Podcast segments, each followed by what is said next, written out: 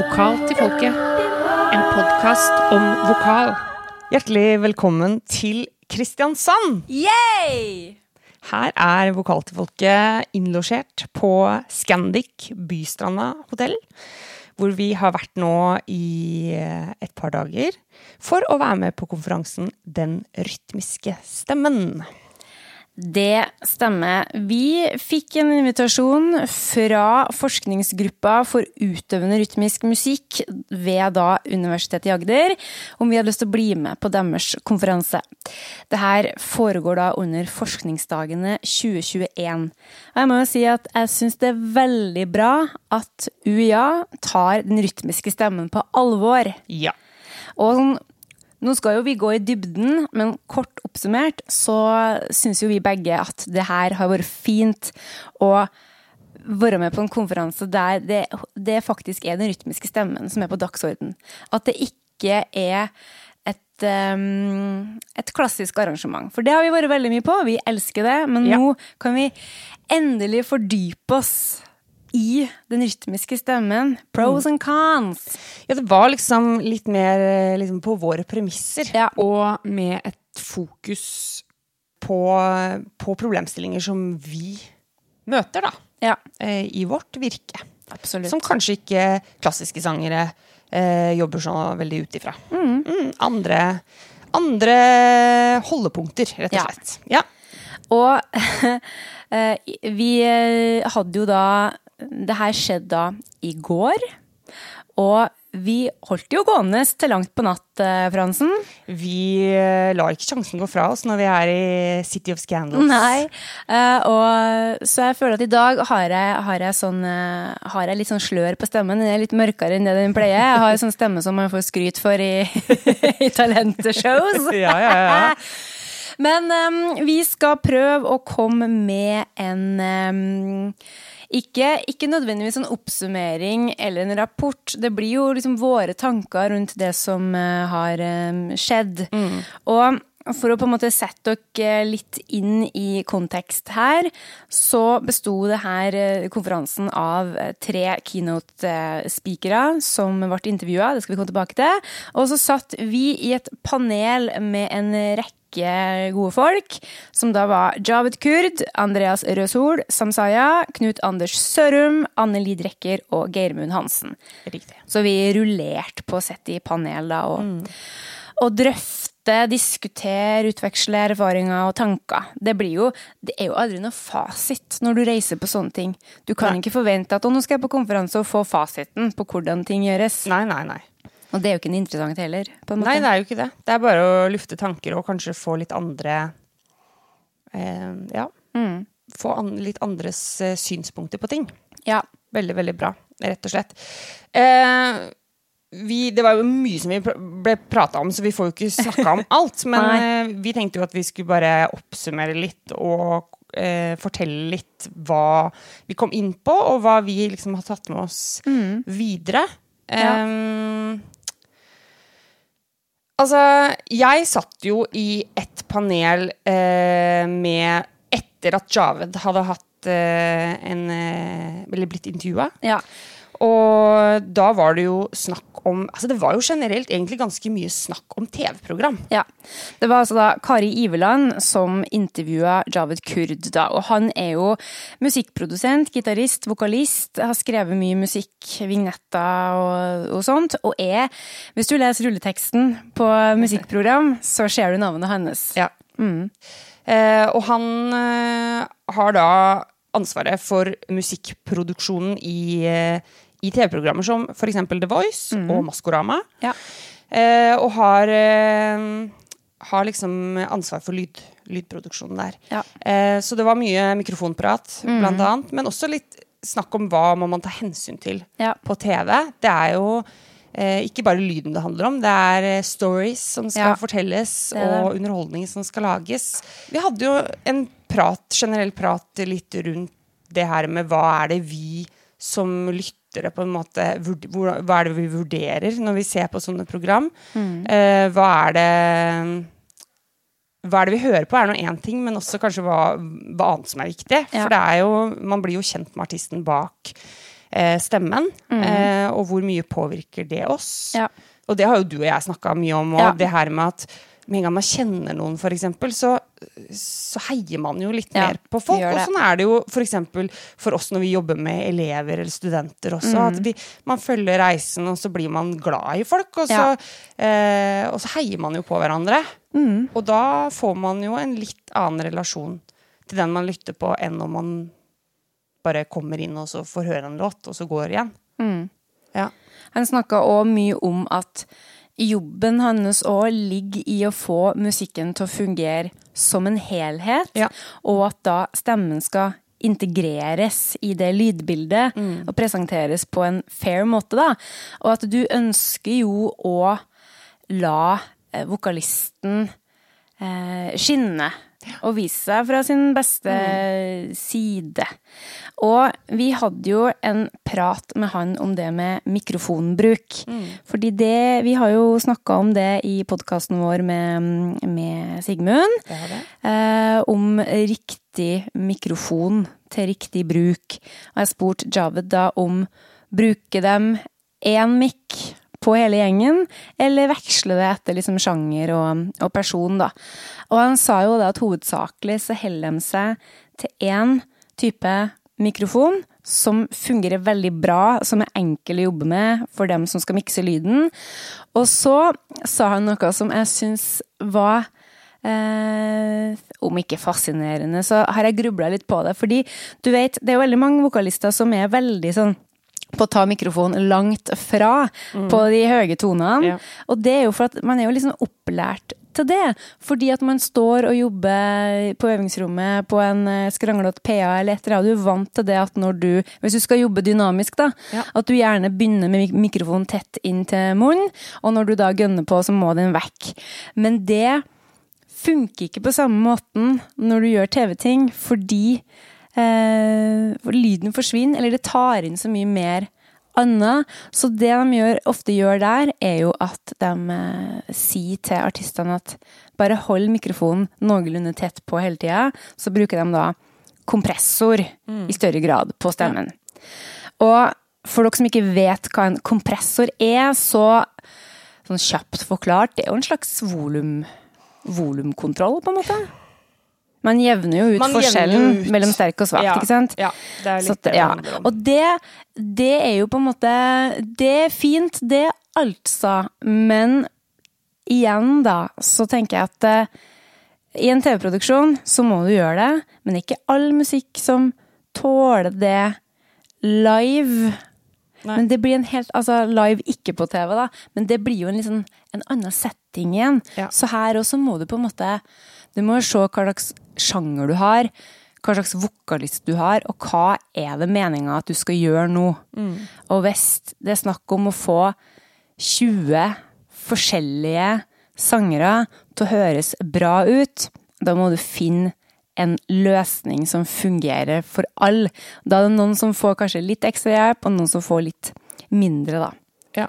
Jeg synes jo, Nå har ikke jeg sett så veldig mye på The Voice, da, for det begrenser hvor mye tid jeg har til å sette og se på folk uh, synge. Men, uh, men jeg har alltid tenkt at det er bra lyd. Det er gode mikrofoner. Ja. Det her er det gode folk som er på jobb. ja, Og det er jo bra. det er det. Det ble jo også snakk eh, om det her med prosessering av vokal og vokallyd. Hvordan man jobber med det, og justerer det i TV-program. Kan du forklare hva du mener med prosessering, for dem som ikke henger helt med her? Ja, altså, nå er ikke jeg noen ekspert på det her, men, men eh, komprimering er vel en del, del av prosesseringa, og klanging, og altså Mm. all type effekter du Ja. putter på, da. Eh, og det kan vel være helt opp til autotune, vil jeg tro. Sånn Mm. Ja. jeg forsto det, ut ifra det vi snakka om. Ja. Får vi dobbeltsjekke. Han sa jo da at det, ingenting ble autotuna på Nå skal jeg se i notatene mine her. Skal vi se Mhm, mhm, -hmm. det, det, han, ja, det var litt artig. Han sa jo at det hender seg at folk kommer med, Ja. med autotune-boksen i Ja. veska og skal ha den med, og Ja. vil ha den i øret òg. Ja. Det går jo ikke. Altså, autotune det, det her kan jo bli en lang pod, da, men autotune er jo et slags Det er jo et nyttig verktøy. Når, for det er, veldig, det er veldig fint å kunne ha liksom, muligheten til å rette opp en tone i ny og ne. Det syns jeg er helt greit Ja. i studio. Men um, jeg er jo ikke så veldig glad i den som, som en vokaleffekt, da. Nei, ikke jeg heller. Og hvis man skal rette på en tone i en eh, generell sammenheng, så vil man jo kanskje ikke at den skal merkes. Nei. Men uh, autotune brukes jo nå også som en effekt som skal på en måte Ja. være hørbar, da. Absolutt. Ja, nei, men uh, interessant prat om, eh, om eh, det her med, med stemme i lydproduksjon, og hva, hva man tenker på TV, og hva man skal ta hensyn til. Ja. Um, og, og egentlig også veldig godt å høre, syns jeg, at man, at man i sånne produksjoner ønsker jo at sangeren skal skinne, og at Ja. man ønsker å ta vare på eh, det som er eh, spesielt for hver enkelt sanger. Ja. Eh, og, og det ble vel også fortalt for Geirmund, eh, som hadde vært med på The Voice Geirmund Hansen, ja. ja. Han sa jo det at det er veldig nøye planlagt man, hvordan man skal synge, og at Mm. man får gode råd. Og at han følte at han kunne stole på produksjonen, Ja. fordi at eh, han følte at de ville hans beste. Eh, men at det er jo ganske eh, ganske klart for alle hva, hva som skal skje. Men det sa jo Javed også, det handler jo også om å være godt forberedt. Sånn at når man kommer på jobb, Ja. og det er to minutter på TV, så skal man vite akkurat hva man skal gjøre. Og det, handler, det er jo sånn som vi også snakker med våre elever og studenter om, at man skal forberede seg godt. Ja. Og at man skal få slippe Det er nok nerver i spinn, så, så hvorfor skal man på en måte eh, bli stressa på at man plutselig skal Å, shit, hva skal jeg gjøre i denne frasen her? Og så skal man finne på det der og da. At man, man har noe trygghet i det at man er forberedt, da. Ja. Ja. Vi kom òg litt inn på det med, med estetikk, altså vokal, estetikk og smak, og det, det Da kan vi like så godt gå over til neste liksom, eh, keynote speaker, der vi snakka om stemmen som eh, kompositorisk verktøy. Da var det Torunn Eriksen som intervjua Anneli Drecker. Og der fikk vi jo spørsmålet Ser du på deg sjøl som en eh, komponist som synger, eller en sanger som komponerer? Og det Der er jo folk forskjellige ut ifra liksom hvilket ståsted du har, hvordan du har jobba. Hva, hvor er du hen på skalaen? Er du, er du i en bestemt leir, eller er du i midten? Eller Jeg syns det var vanskelig å svare på det, på det der. Så jeg, når jeg ble spurt om det spørsmålet, så svarte jeg at jeg eh, Jeg starta opp som en sanger som ikke klarte å komponere. og så ble jeg en sanger som skrev låter. Og så nå føler jeg at de er sidestilt. At jeg er både liksom, låtskriver og sanger. Men at jeg nok aldri vil komme dit at jeg blir en eh, låtskriver som synger. Og det er fordi at jeg har for sterk identitet eh, i sangeren. Jeg tror det kommer litt an på hvor, liksom, hvor du starta hen, Ja. og hva som var utgangspunktet ditt. Så jeg vil nok aldri kunne legge fra meg på en måte sangeren i meg nok til at, eh, at det bare er et verktøy, på en måte. Nei. Og du, da? Nei, altså Nei, jeg ser absolutt på meg sjøl som en sanger som komponerer. Ja. En sanger som um, Ja, jeg har jo veldig sterk sangeridentitet, altså. Ja, ikke sant? Det må jeg si. Det er jo synging som er meninga med livet. Nettopp. Og så- men som jeg òg nevnte i går, så er det litt sånn her at eh, for min del så For å ha For å ha noe som var mitt eget, så var jeg avhengig av å skrive låtene sjøl, fordi jeg har jo sunget mye coverlåter, syns det er kjempestas. Sunget veldig mye forskjellig. Potetvokalist, det er jo en hedersbetegnelse i min bok. Ja, ja, ja. Eh, akkurat sånn som du. Vi her er vi en liten potetfarm. Absolutt. Yes, nei, men Og også merker jeg det at ok, nå, nå gjør jeg, nå synger jeg de her jazzlåtene, og det er bra, og så synger jeg noe funk og noe soul, og så er det veldig mange andre vokalister som gjør akkurat det samme. Som òg står og synger liksom tre sett med Stevie Wonder og Aretha Franklin, og det er kult. Og så er det jazzgig dagen etterpå. Så er det en vise her, og Johnny Mitchell der, og så er det Led Zeppelin på Markens brød og sirkus, og så er det liksom og det er greit nok, det, men jeg tenkte at ok, hvis jeg skal ha noe som er mitt eget, da, så må jeg kanskje lage det sjøl. Og det er stas. Syns jeg. Og det Og i og med at det her var en sånn, et segment der vi snakka om låtskriving, så kom vi jo inn på litt det der med hvordan er det man skaper musikken? Hvordan skriver man eller komponerer det? Begynner det med tekst? Setter man seg ned attmed et piano? Eller det som jeg føler er en ny ting, men som sikkert har eksistert i alle de år, det her med toplining. Ja. At du får tilsendt altså et skjelett, eller hva jeg skal kalle det. Gruv og eh, antall takter og akkorder, alt er klart. Det som mangler, er melodi og tekst. Som for meg høres helt rart ut at, man, eh, at, at det er en måte å gjøre det på. Altså det, jeg har gjort det sjøl, men det har jeg gjort som sånn øving. På en Ja. måte, for å lære meg å bli en bedre liksom, komponist eller låtskriver. Så her har jeg liksom forska på å skrive melodier på allerede eksisterende f.eks. jazzskjema, for å bli bedre til å jobbe med metningstoner, og for å liksom prøve å lage en mer interessant melodi, da, eller hvis jeg står fast og sånne ting. Men for meg er det så rart at noen andre skal legge føringer på det harmoniske. At noen andre skal bestemme Ja, nå skal du ha to vers, refreng. Ja. Men, men de jobber vel litt ulikt, har jeg inntrykk av disse topplinerne. For, for man er jo ofte kanskje Det er ikke alltid man kanskje får tilsendt noe, men kanskje man er i studio og jobber det fram sammen. Men din jobb som sanger, for eksempel, er da å, å på en måte komme inn og eh, lage melodien og Ja. teksten.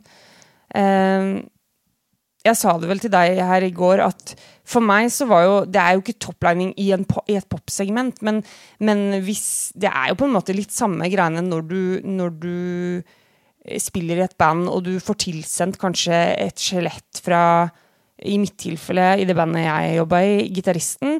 Eh, kanskje det er noe riff, eller det er liksom en akkordprogresjon, noe Ja et skjelett, da, rett og slett.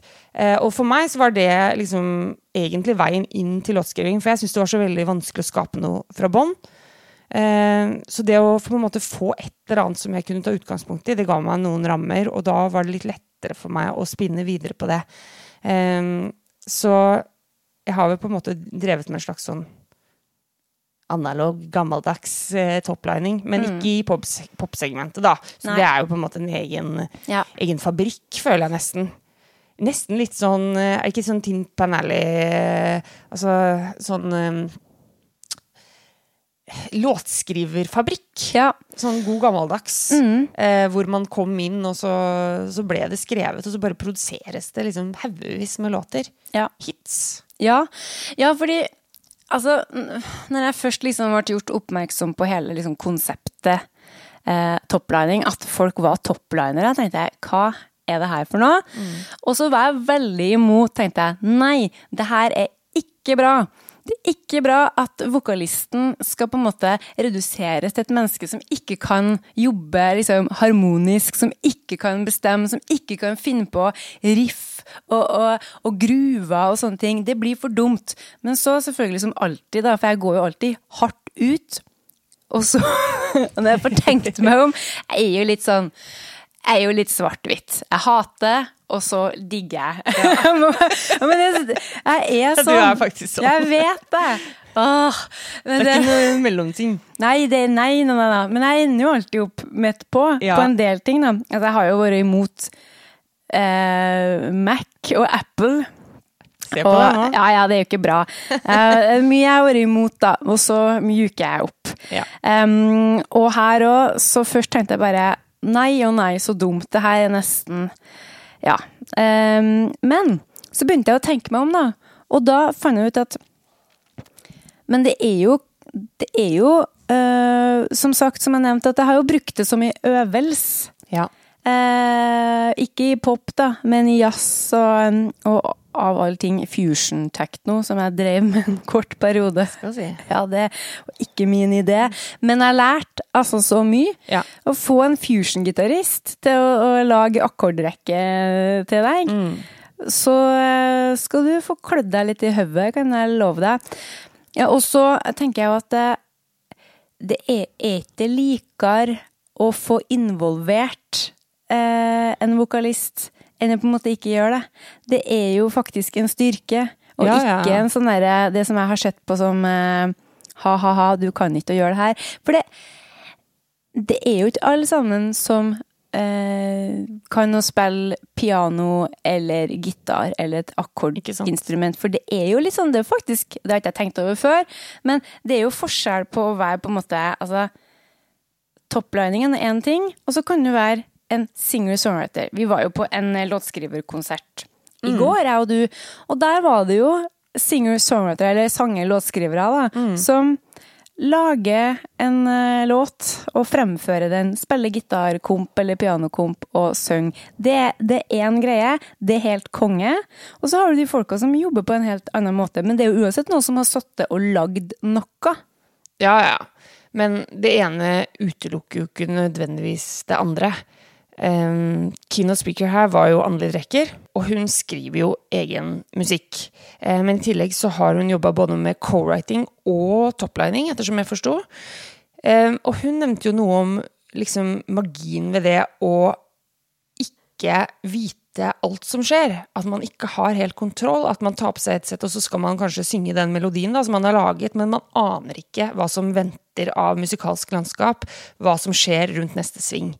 Og at det kan være utrolig givende, da.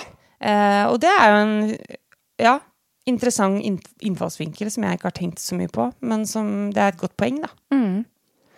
Men, men for meg handler det Eller jeg har vel aldri liksom Jeg klarer ikke å bare lage en melodi og en tekst, vær så god, og så gi det til noen, og så skal de lage landskapet rundt. Jeg er nok mer da en topliner, for å si det sånn, i den i, altså i den rekkefølgen, da, at jeg, da må jeg ha kompet først, og så kan jeg lage noe på det. Jeg klarer ikke å bare sette meg ned og lage en eh, melodi uten at jeg setter meg ned ved et piano eller har noen akkorder til.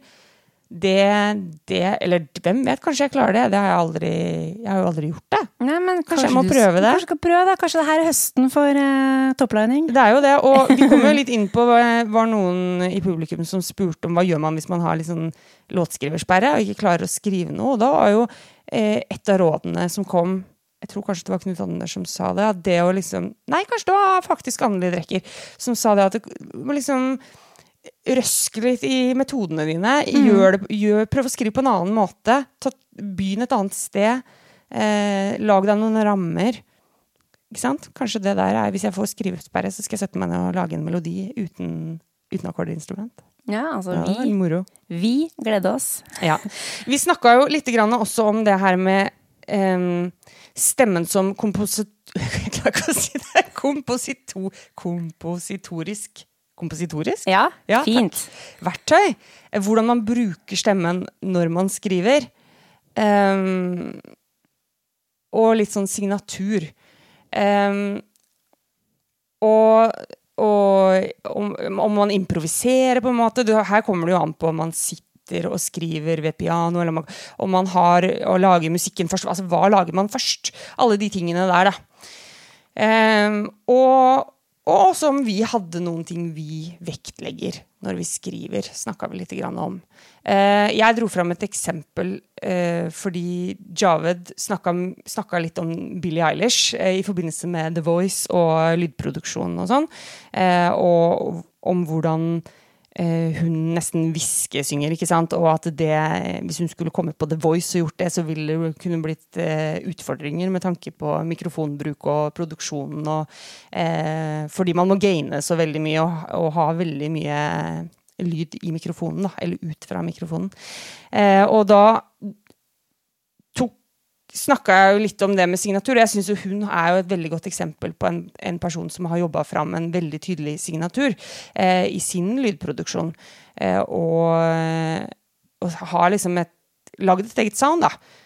Og jeg tenkte veldig mye på det rundt den tematikken med, med låtskriving og prosess. Fordi eh, som låtskriver så, så er man jo i en prosess, da, enten om man sitter og skriver låter sjøl hjemme på, på stua, eller om man jobber det fram i et band, eller om man da går i studio med en produsent, og så jobber man låta fra scratch sammen. Og hun har jo jobba med sin bror på soverommet, eh, soverommet eh, fram låtene sine, og på en måte skapt soundet i en studiosetting. Eh, og jeg syns jo det, det er interessant å tenke på hvordan hun ville ha eh, hørtes ut hvis hun hadde hatt et annet utgangspunkt. Altså Hvis hun hadde bare skrevet låta si, gått på øving med, med bandet sitt og plugga seg i med en litt sånn grei 58, SM 58, på et litt crappy anlegg, sånn som eh, vi de fleste av oss liksom Det handler jo litt om penger, det her, og selvfølgelig hva man har råd til, og sånn, men, men de fleste har kanskje tilgang til å kunne låne seg et øvingslokale, da. Og så sagt 'her er låta mi', og nå skal vi, nå skal vi spille det her. Så tror jeg at den vokal, det vokalsoundet hennes ville vært ganske annerledes. Fordi du har helt andre muligheter i studio. Og, og, eh, og det er liksom mer begrensa når du jobber live. For du må forholde deg til frekvensområder og, og hvordan stemmen skal komme igjennom. Eh, og det krever utrolig mye mer eh, finesse, da, hvis du skal jobbe med svak vokal og mye komp, eh, eksempel. Så eh, ja. Vi snakka litt om det også. Mm. Ja. Og så kom det et fantastisk spørsmål fra, fra salen. Fordi dem som satt og hørte på det her, var jo Det var veldig mange studenter fra UiA. Antar jeg at de kom fra rytmisk, eh, og at det var mye sangere der. Ja. Og da eh, sa hun noe lignende som Er det noe dere er veldig opptatt av i låtskrivinga deres som dere på en måte får tilbakemelding på, eller som dere ikke da får tilbakemelding eh, på? Det syns jeg var et, var et godt spørsmål, og det kom, dess, det kom dessverre på tampen, så eh, vi rakk ikke å snakke noe mye om det, men, eh, men det har jeg liksom grubla litt på, fordi for min egen del så eh, har jeg aldri egentlig fått tilbakemelding på det som jeg synes, altså det som er min drivkraft. Når jeg, liksom, når jeg lager, lager låter, både egne og når jeg på en måte tolker andres musikk, lager arrangement, da, da jobbes det jo òg. Og jeg vet veldig godt hva det er jeg har fokus på. Uh, og nå er du sikkert veldig spent. Om jeg er. Fortell, fortell. Det jeg får tilbakemelding på, uh, er ofte liksom at eh, Eller ofte. De gangene jeg får tilbakemelding, da, så er det, er det på, på liksom fine, fine liksom melodilinjer. Og det er jo hyggelig. Eh, og at og at liksom stemmen er klar og fin, og det, jo, det vil jeg jo. Men det, det jeg jobber med, når jeg jobber fram musikk, når jeg jobber vokalt, så er det jo alltid Framdrift er jo det, det eneste Det blir feil å si det, men det er det jeg tenker på. Det rytmiske drivet.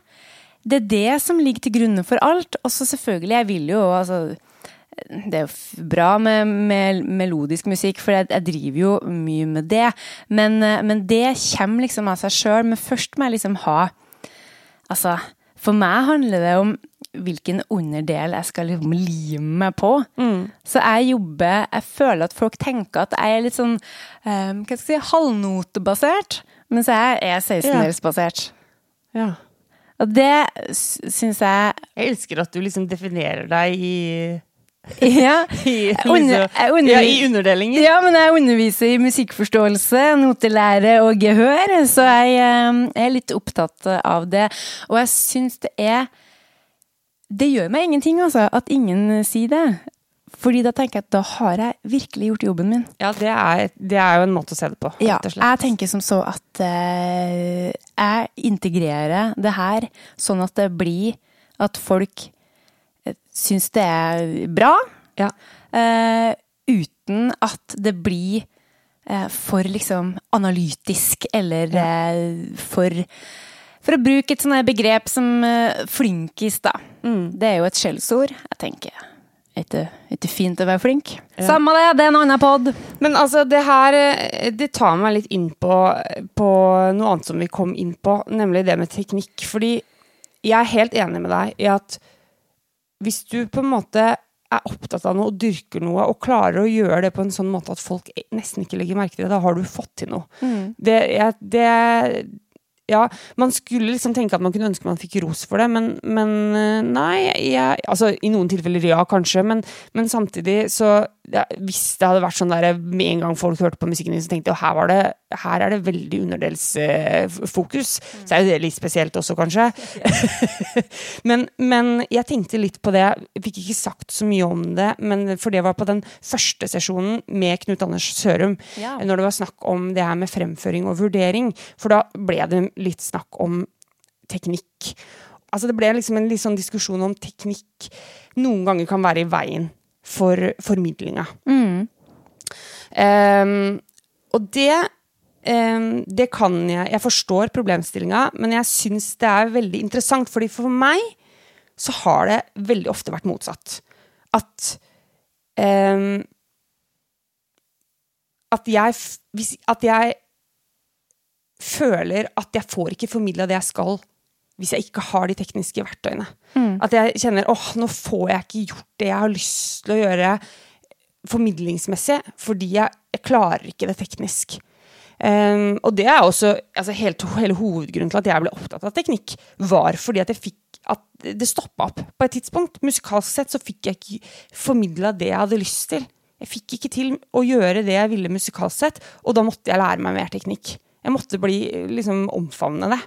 Um, og det det er nå én ting som jeg tenkte på rundt det med teknikk. Men når du kommer til det her med, med om man ikke legger merke til det, så mener jo jeg også det at man bør jo jobbe med teknikk på den måten at det er så innarbeida at man ikke legger merke til det. Mm, Da handler enig. det selvfølgelig om å begrense eh, liksom briljans, å drive og briljere og liksom ikk- ja, man må, må, må kunne beherske seg da, og kunne holde igjen litt også. Eh, det, handler jo litt, det handler kanskje også litt om smak, men, eh, men, eh, men det der med å liksom få ting til å høres uanstrengt ut, så ikke folk tenker over at det er teknisk vanskelig engang, det må jo være målet. Ja. Eh, og igjen, det som Lise Davidsen sa på den podkastepisoden hun, hun var med på, trene opp bunnivået, altså. ja. Sånn at du på en måte kan prestere, selv om du har en dårlig dag, teknisk. For da har du overskudd til musikken, du har overskudd til formidlinga. Det er det det handler om. Det er det vi bruker teknikken til. Vi bruker jo ikke teknikken for å briljere eller liksom fjonge oss. Vi bruker jo teknikken for å være gode musikere. ja. For å kunne formidle noe og eh, ja, For å- musisere. Ja, for å få det soundet du vil ha. Nettopp. For at du skal klare å liksom jobbe med de musikerne du har med deg, det arrangementet du har lagd. Ja. Ja, den var, den var veldig um, Den var fin, den derre den, um, den runden der Hilde Nordbakken intervjua Knut Anders Sørum. Sørum. Der vi da snakka litt om hvordan vi Eh, eller ikke vi, da, men hvordan folk snakker om vokal på Ja. TV. Eh, og det vi var litt enige om, er at det er Altså, man tør jo ikke å snakke fag om vokal eller musikk på TV fordi man kanskje er redd for at det går over hodet på folk. Men da var det en eller annen som nevnte det at men i, sånn, i matprogram så brukes det jo tekniske begrep om matlaging. Og jeg satt og så på det symesterskapet her om dagen. Jeg skjønte ikke noe hva de snakka om, de diskuterte søm, men da da lærte jeg noe nytt, da. Ja. Og idrett og sånne ting òg. Men, men uh, veldig ofte så begrenser tilbakemeldingene seg på Stjernekamp og sånt til å si liksom at det var bra, det var rørende, Mm. du er så heldig fordi du har eh, rasp, og du synger så bra når du glemmer teknikken din. Sånne idiotiske utsagn. Ja, og vi ble Vi var vel De fleste av oss der oppe eh, var vel ganske enige om at vi nok veldig ofte undervurderer publikum. Ja. Eh, at vi tror at de liksom Å nei, det, det tåler de ikke. Mens, mens eh, kanskje de gjør det. Kanskje Ja. de tåler noen faguttrykk, og kanskje de syns det hadde vært ålreit hvis vi hadde gått litt mer i, i dybden. ja.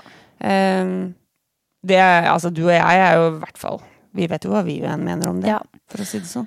Og apropos det, er det kanskje på tide å gå til vår nye spalte? Det syns jeg da absolutt at vi skal. Vokal til folket reagerer.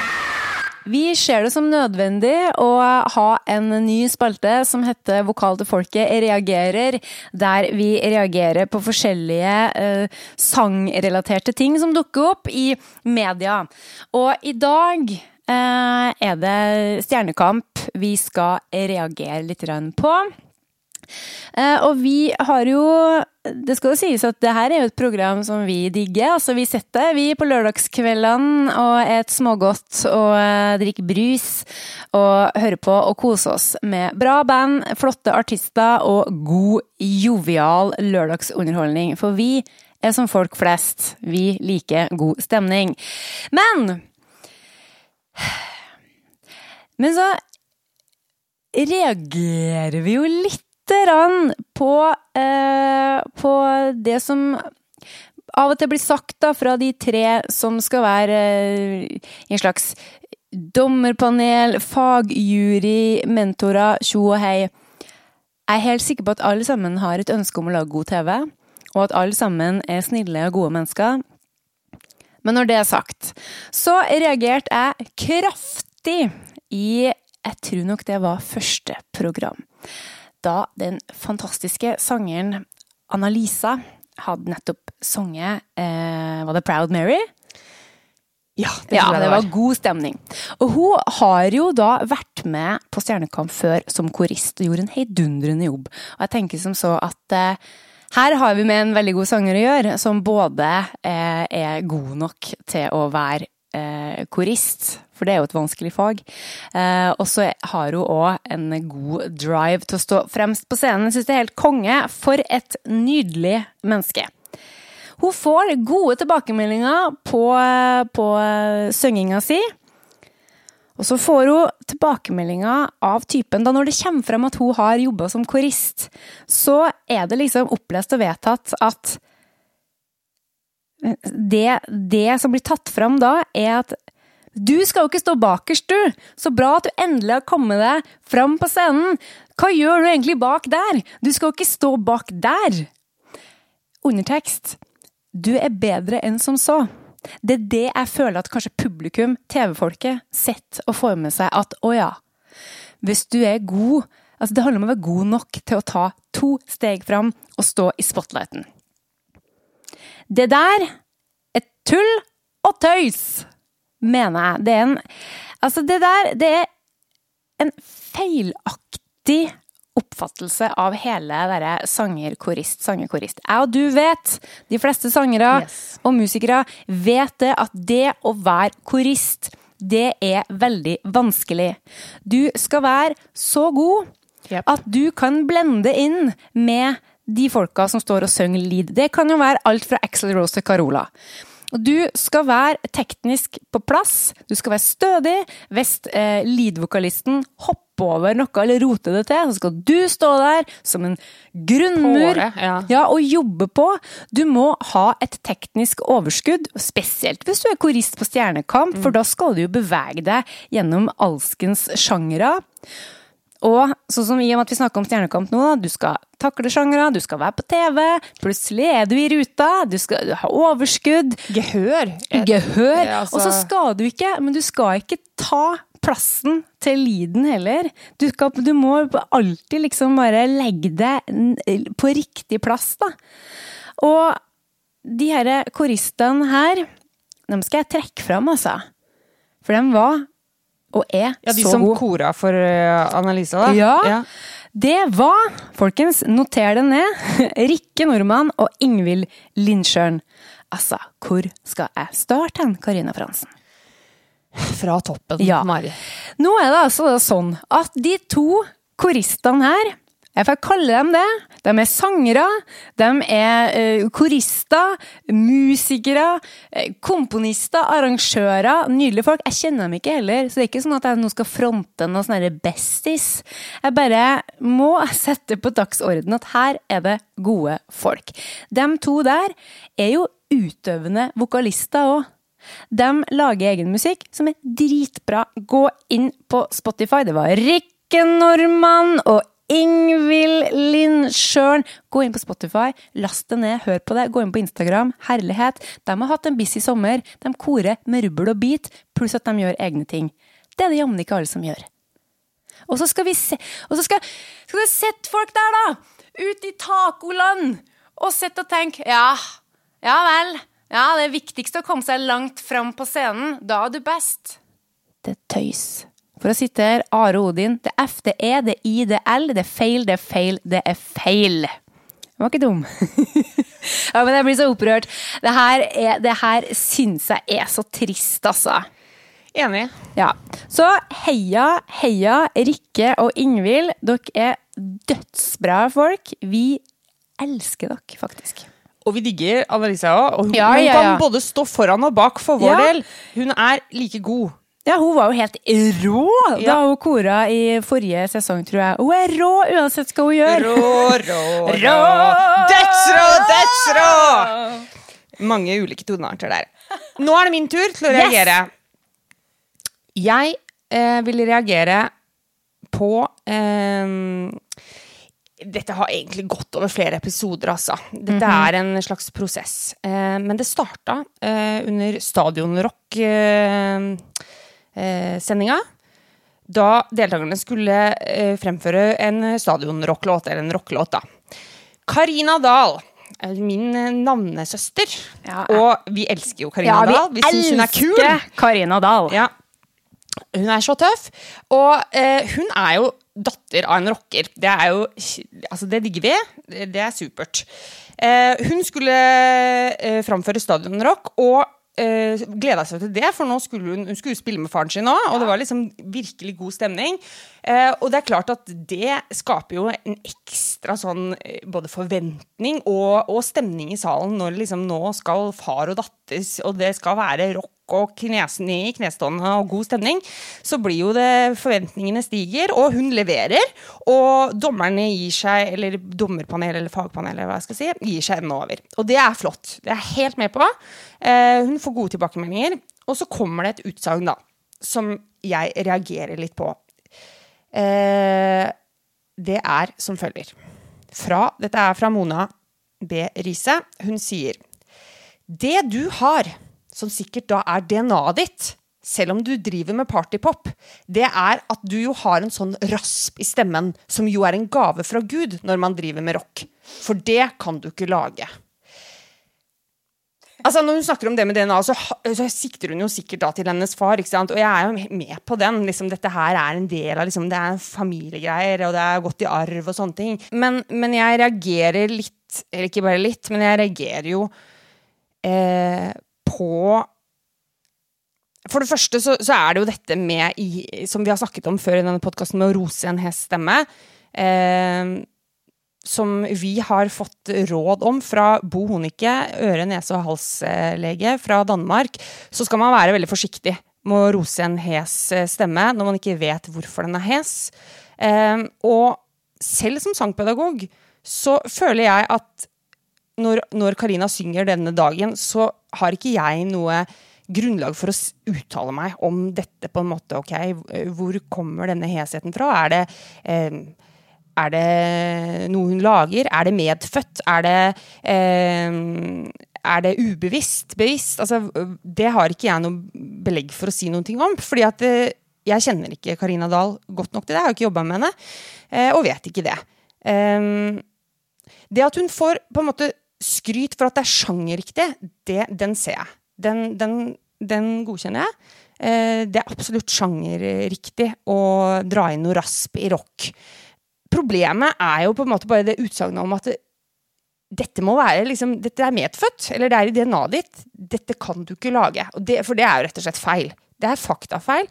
Det finnes masse sangere rundt omkring i hele verden som legger på effekter, tar dem av, legger på, tar dem av, hver en dag. Og som har jobba med dette over lengre tid, og som ser på det som et håndverk. Noen takler det på en god måte, gjør det på en sunn måte. Andre not so much. Det er nå greit nok, men at det er noe man kan lage, det er nå i hvert fall sikkert. Så det er en faktaopplysning som er regelrett feil, som jeg reagerte på. Eh, den heseten ble jo tatt opp igjen i programmet etterpå. Eh, Da fikk hun også ros for heshet. Jeg husker ikke hva slags program hvor vi var da. Nei, var det norsk på norsk når hun sang den countryaktige greia? Ja, det kan hende. Ja. Da fikk hun også ros for hesheten. Um, og så har det jo da, som kanskje flere av dere har fått med dere, så har det jo da skjedd at uh, dette har jo vist seg å vært en heshet som faktisk uh, ikke har vært en sunn heshet. Uh, det har vært eh, problemer med stemmen. Og eh, forrige uke eh, så, så hadde hun en tung uke hvor hun ikke hadde stemme. Karina. Og det er jo da ikke en eh, gave fra Gud. Det er jo rett og slett et stort problem. Og det er jo sånn på en måte heshet eh, blir sett på i, i vårt miljø også. Det er en stemmevanske. Eh, kan, det kan være medfødt, ja. Man kan ha liksom fysiologiske eh, greier som gjør at man har en heshet på stemmen. Eh, og det går an for enkelte å synge med en sånn heshet. Ja. Men for de aller fleste som sliter med heshet, enten det er medfødt eller noe som har kommet med over tid, så er det rett og slett et kjempeproblem. Og sangere har måttet avbryte karrieren sin fordi hornet ikke fungerer. Eh, og vi må, vi må ta det på alvor, både som sangere, men også som fagpersoner, når vi skal sitte og gi råd som forhåpentligvis skal være litt bærekraftige for artister som skal ha en lang karriere. Vi kan ikke drive og på en måte eh, oppmuntre til eh, å dyrke eh, en heshet som viser seg da i dette tilfellet kanskje å ikke være så sunn. Da, da må man finne andre, eh, andre måter å bruke stemmen på. Og så kan man absolutt selvfølgelig jobbe fram dersom man ønsker å putte på noe distortion eller putte på noen effekter på sikt. Så fins det muligheter for å lære seg det på en sunn og god måte. Ja. Men i dette tilfellet så, så var det ikke en sunn heshet, rett og slett. Nei, det var Det var vel snakk om noe sånn overbelastning og hevelser, tror jeg. Ja. Um, og hun var jo til eh, vår um, favoritt, Maria Ja. Berglund, stemmespesialisten, og fikk mjuka opp litt, og Ja. hun fikk òg akupunktur, så hun har fått masse hjelp. Uh, og da er det jo det, ja, jeg vil jo tro Nå jeg vet ikke, da, men jeg vil tro at det er noe muskulært òg, da, kanskje. Ja. Men jeg tenker, tenk deg for stakkars Karina eh, at du står der foran eh, hele Norge, og så får du skryt for en heshet. Og du er i en, i en, eh, i en sånn sjanger-slash-sangkonkurranse. Ja. Du har lyst til å gjøre det bra. Og det, hun har jo sagt at det her er viktig for hun. Hun Ja. har lyst til å vise fram andre sider av seg sjøl, ikke sant. Og så liksom Å, du har så kul rasp, og så digger hesheten din. Og da tenker man oi, det er bra, de vil ha det, det er helt topp. Så kanskje ikke du klarer å å skjønne når den hesheten som Altså, av og til så dukker det jo opp noe rasp Ja, ja, ja. som, som uh, dukker opp, og som er sunt, for at du har alltid gjort det, og sånne ting. Men det er ikke noe artig når du plutselig liksom bare Å ja, nå, nå har jeg ikke noe lyd i det øvre registeret. Og så er det opera du skal holde på Ja. med! Det er jo forferdelig. Jeg fikk utrolig vondt av henne, rett og slett. Eh, ja. Og, og liksom dagene går. På mandag er det krise, det blir ikke noe like på tirsdag, og så får hun ikke øvd, og Nei, så jeg syns hun var så tapper, jeg, når hun, eh, når hun gikk opp der og, og sang opera. Så jeg, ja, jeg unna henne virkelig en eh, plass videre. Spoiler alert for dem som ikke følger med. Men når vi da er inn på det her med opera, så er det jo eh, mer enn litt interessant at det er kun når det er opera at det jobbes med sangteknikk Ja. i det programmet der. Eh, Det òg sender jo noen signaler om at uh, opera det er liksom noe, noe helt annet. På mange måter er det jo det, men det handler om stemmebruk, det òg, da. Og så i de andre sjangrene som, så snakkes det ikke om, om det. Nei. Det syns jeg er rart. Og du, det er jo så fascinerende når du ser hvordan da Solveig Kringlebotn jobber med dem. Hør, hør de lydene som kommer Ja. fram! Alt det potensialet. Jeg ble jo altså så Jeg kunne tenkt meg å være flugge på veggen gjennom hele den timen som han Kevin der hadde. Ja, det var merkbar forskjell. ass. Ja, og du så For det første så var jo han som en svamp. Han Ja. hadde jo så lyst til å lære. Bare lær meg, lær meg, lær meg. Og så ser du bare når han fikk retta opp holdninga si, liksom, og fikk liksom mer sånn kontakt med muskulaturen sin, hvor stemmen åpna seg opp.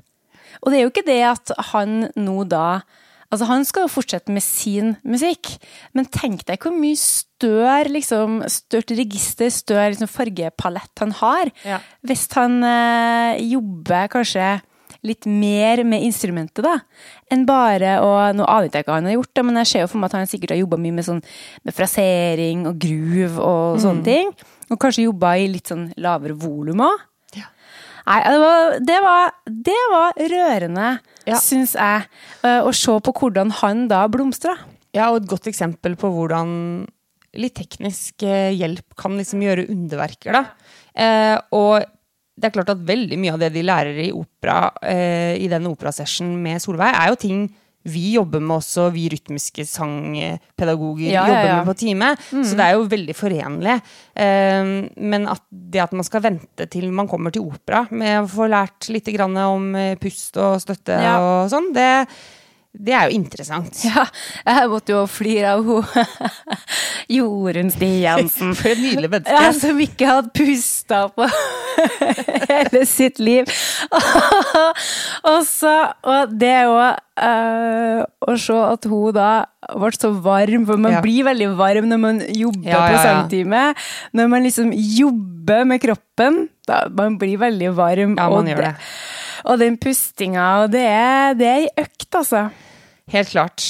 Nei, det, var, det er veldig gøy. Det er jo veldig stas å se liksom strikk og bøy og tøy og trampoline. Altså, Solveig Kringlebotn har jo da trampoline. Hos Solveig Kringlebotns eh, Ja. bootcamp så får du trampoline, trampolinehopping, mens du går ned i squats. Yes! Det er eh, Jeg bygger vi stemme og ass.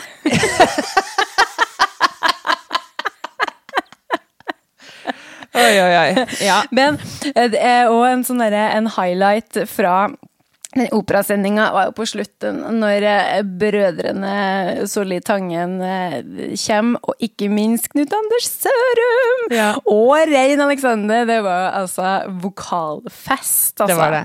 Ja, det var gøy. Veldig, veldig gøy.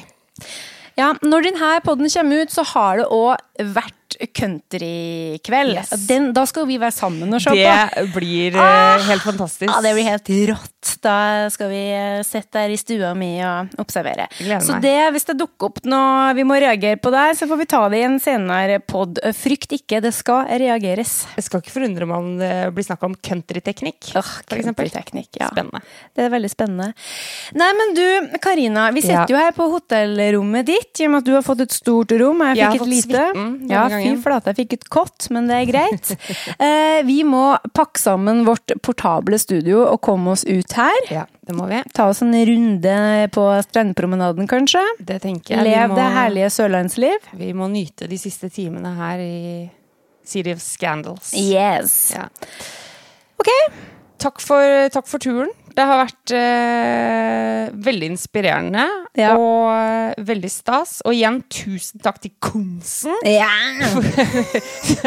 for at vi fikk lov til å komme til Kristiansand og være med på det her. Vi er super eh, happy og veldig stolte av å eh, ha blitt invitert og Ja. få lov til å ta del i det. Og vi er veldig glad for at UiA eh, tar den rytmiske stemmen på alvor, tar stemme på alvor, men Ja. rytm, fra et rytmisk perspektiv. Eh, ja. Litt ekstra stas at det skjer her, syns Ja. jeg. Enig. Så tusen takk for oss, og vi hørs i Oslo. Ha det! Ha det. Du har hørt Vokal til folkets podkast med Karina Fransen og Mari Klingen. Besøk oss på vokaltilfolket.no, finn oss på Facebook og Instagram, og gi oss gjerne ei stjerne i iTunes. Vi tar gladelig imot tilbakemeldinger, tips og innspill, så ikke nøl med å sende oss en melding. Vi snakkes!